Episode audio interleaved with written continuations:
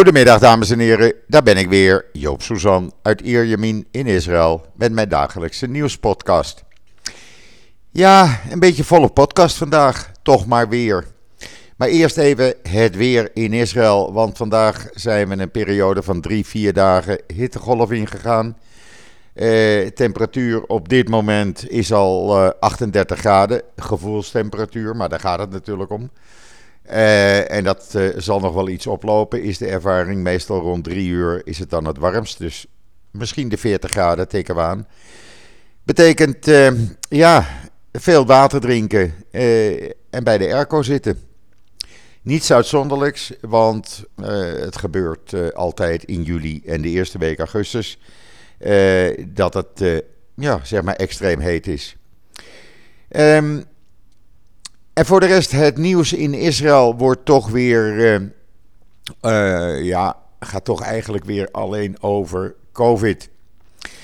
Eh, vrijdag aan het eind van de middag, net voordat de Shabbat begon, was het coronakabinet bij elkaar.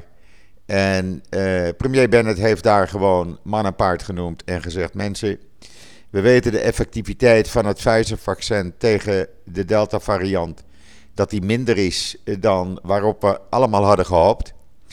Maar eh, ga er ook maar niet van uit dat eh, alleen de vaccins het probleem zullen oplossen. Dat is een ijdele hoop. Nou, ik vind dat hij eh, daar gelijk aan heeft. Je kan het maar beter zeggen zoals het is. Eh, inmiddels, eh, wij dragen hier, dat weet u inmiddels, eh, de mondkapjes in alle publieke ruimte. Eh, er zijn voor het huwelijksseizoen, wat eh, vanaf morgen van start gaat, eh, ja, aanwijzingen, beperkingen ingesteld, laat ik het maar zo noemen. Betekent als je niet gevaccineerd bent, moet je een negatieve test kunnen tonen. Mondkapjes moeten opblijven, afstand moet bewaard blijven, sociale afstand. En men adviseert, laten we niet te veel kussen en eh, tegen elkaar aanstaan. Eh, dat geldt alleen voor eh, binnenruimte. Er zijn natuurlijk ook veel bruiloften die buiten gebeuren en daar moet je gewoon afstand houden. Eh, inmiddels is de verwachting dat er meer beperkingen zullen komen. Men spreekt op dit moment in Israël over het herinvoeren van het groene paspoort. Dat betekent dat niet-gevaccineerden weer te maken krijgen met beperkingen. Men denkt er ook over om limieten te stellen aan het aantal bezoekers bij evenementen en in restaurants en theaters. Eh, men wil gewoon maatregelen nemen voordat het schooljaar 1 september begint. Er wordt ook gesproken over eh, een test die men de komende dagen gaat doen. Om te zien hoe het werkt als eh, mensen thuis eh, zichzelf testen op het virus. Eh, een aantal specialisten zegt, nou doe dat nou maar niet. Je kan beter op scholen gaan testen en in bedrijven. Maar men wil kijken hoe dat werkt, of dat betrouwbaar is, voordat men dat eh, in de verkoop gooit. Ja, en voor de rest, eh, het aantal besmettingen loopt hier ook op. Het is afgelopen vrijdag hadden we ruim 1100, 1118 besmettingen. Op Shabbat gisteren waren het er aanmerkelijk minder, maar op Shabbat wordt er ook minder getest. Het besmettings- eh, of het positiviteitspercentage, dat staat nog steeds hoog. eh, vergeleken met een, eh, een drie weken geleden. Het staat op 1,47 procent. Er zijn nu op dit moment 6.622 actieve patiënten in het land. Waarvan er 124 in de ziekenhuizen liggen. Dat loopt behoorlijk op. En van hen zijn er 63 in ernstige toestand en 18 kritiek, met 16 van hen aan de beademing aangesloten. Ehm, ja, het betekent eh, dat het voorlopig nog niet tot een, eh, een stop komt, eh, de besmettingen. Het gaat nog gewoon door en vandaar ook alle maatregelen. Ehm, we moeten er ook rekening mee gaan houden dat Spanje en Griekenland en mogelijk ook wordt gezegd Engeland de komende dagen op de rode lijst komen. Dat betekent, ga je toch naar die landen toe en je komt terug, dan krijg je een boete van 1260 euro per persoon. Er wordt nog steeds gezegd, mensen blijven in het land, ga niet vliegen. Want je gaat naar landen toe waar eh, ja, bijna elk land zijn besmettingen. Dus het heeft geen zin. En dat blijkt ook al omdat een heleboel Israëli's, enkele duizenden, zitten in de problemen in bijvoorbeeld Spanje, Portugal en Griekenland. Waarom? Nou, ze hebben daar het eh, virus opgelopen. Uh, sommigen zijn gedwongen in ziekenhuizen opgenomen, anderen mogen hun appartement of hotelkamer niet uit. En kunnen dus niet terug naar Israël en roepen nu om hulp van de ambassade in die landen. Maar die ambassade zegt ook: ja, sorry, wij kunnen jullie niet verder helpen. Je moet uh, gewoon uitzieken. En dan, uh, als je een negatieve test hebt, kan je terug naar Israël. Dat is het risico. Ze laten dat hier ook op televisie zien. Uh, en dat is het risico als je dus naar het buitenland toe gaat. En vandaar dat men zegt: blijf nou in Israël. Het land is ook mooi en het weer is lekker, dus ga niet in een vliegtuig. Uh, ja, dat was even voor wat betreft uh, COVID-19. Voor de rest gaat alles gewoon door hoor. Het is vandaag Tisha B'Av. Uh, dat is een treurdag in Israël. Nou, dat merk je op de radio. Er is geen echte gezellige muziek. Winkelcentra en winkels, cafés en restaurants, geen muziek. Het is ook de dag waarop veel, veel rampen zijn gebeurd voor de Joden, laat ik het zo zeggen. Op Tisha wordt herdacht dat de tempel werd vernietigd. ja, dat is een treurdag, maar bijvoorbeeld in 1290 op de negende of af. Dat is de negende van de Joodse maand af. Tisha werden in 1290 de Joden Engeland uitgezet. In 1492 werden de Joden op die dag Spanje uitgezet. De Eerste Wereldoorlog begon op deze dag.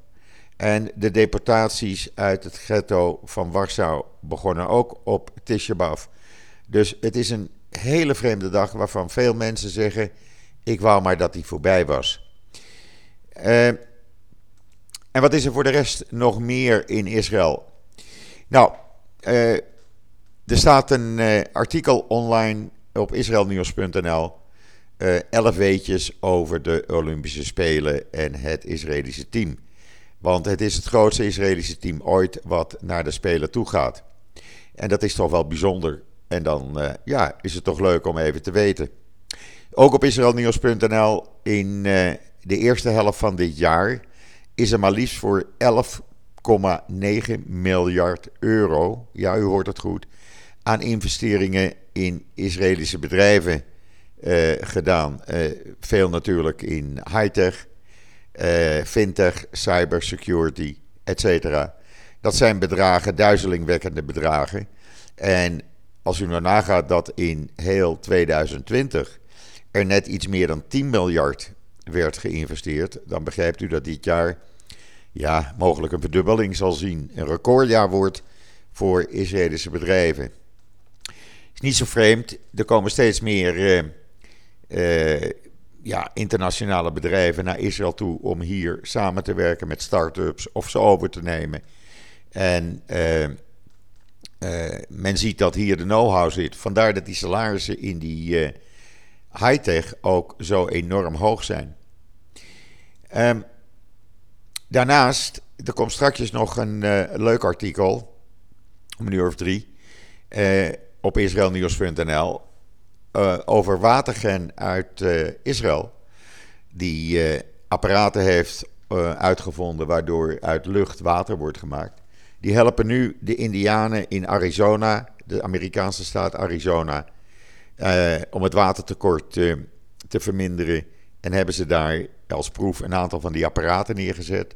Waardoor ze dus ja, drinkwater kunnen maken uit lucht. En zo ziet u maar, ze zijn uh, ja, internationaal aan de gang.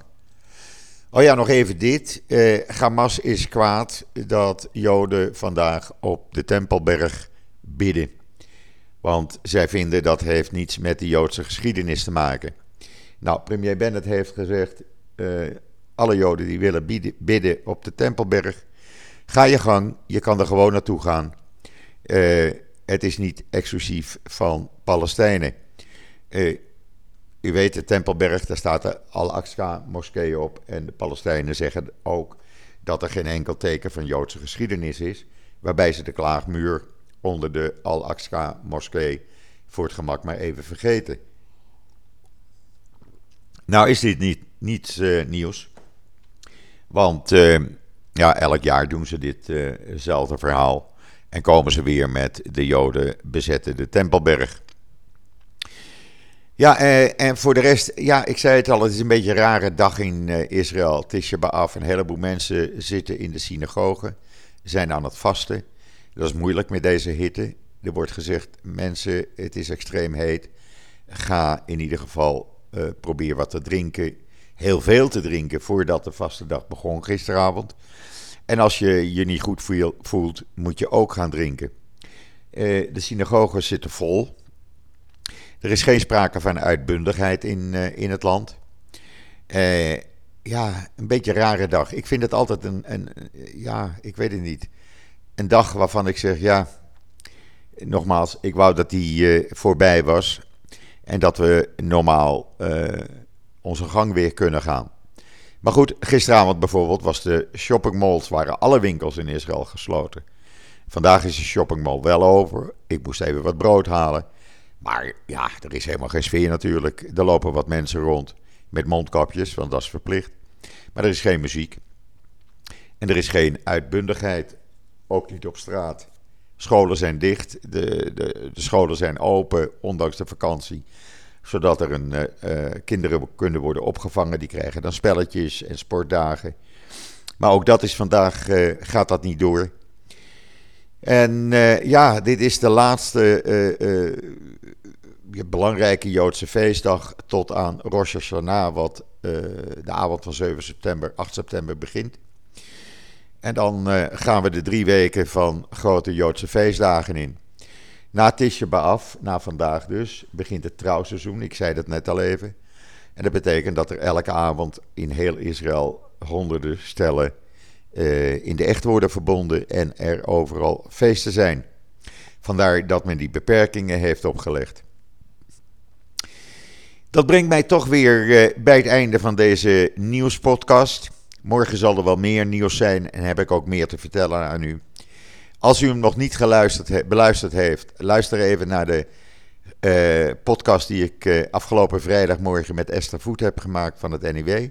We zitten weer samen aan onze virtuele keukentafel, zoals we altijd zeggen. En uh, uit de reacties van mensen die hem geluisterd hebben blijkt dat men het weer heel, ja, heel gezellig vindt. En heel interessant, alle zaken die we besproken hebben. Want het waren er nogal wat. Dus ga die ook even beluisteren. Kan je mooi doen als je op de fiets zit of onderweg bent in de auto of wat anders. Altijd de moeite waard. Rest mij u nog een hele fijne voortzetting van deze zondag, de 18e juli alweer, toe te wensen.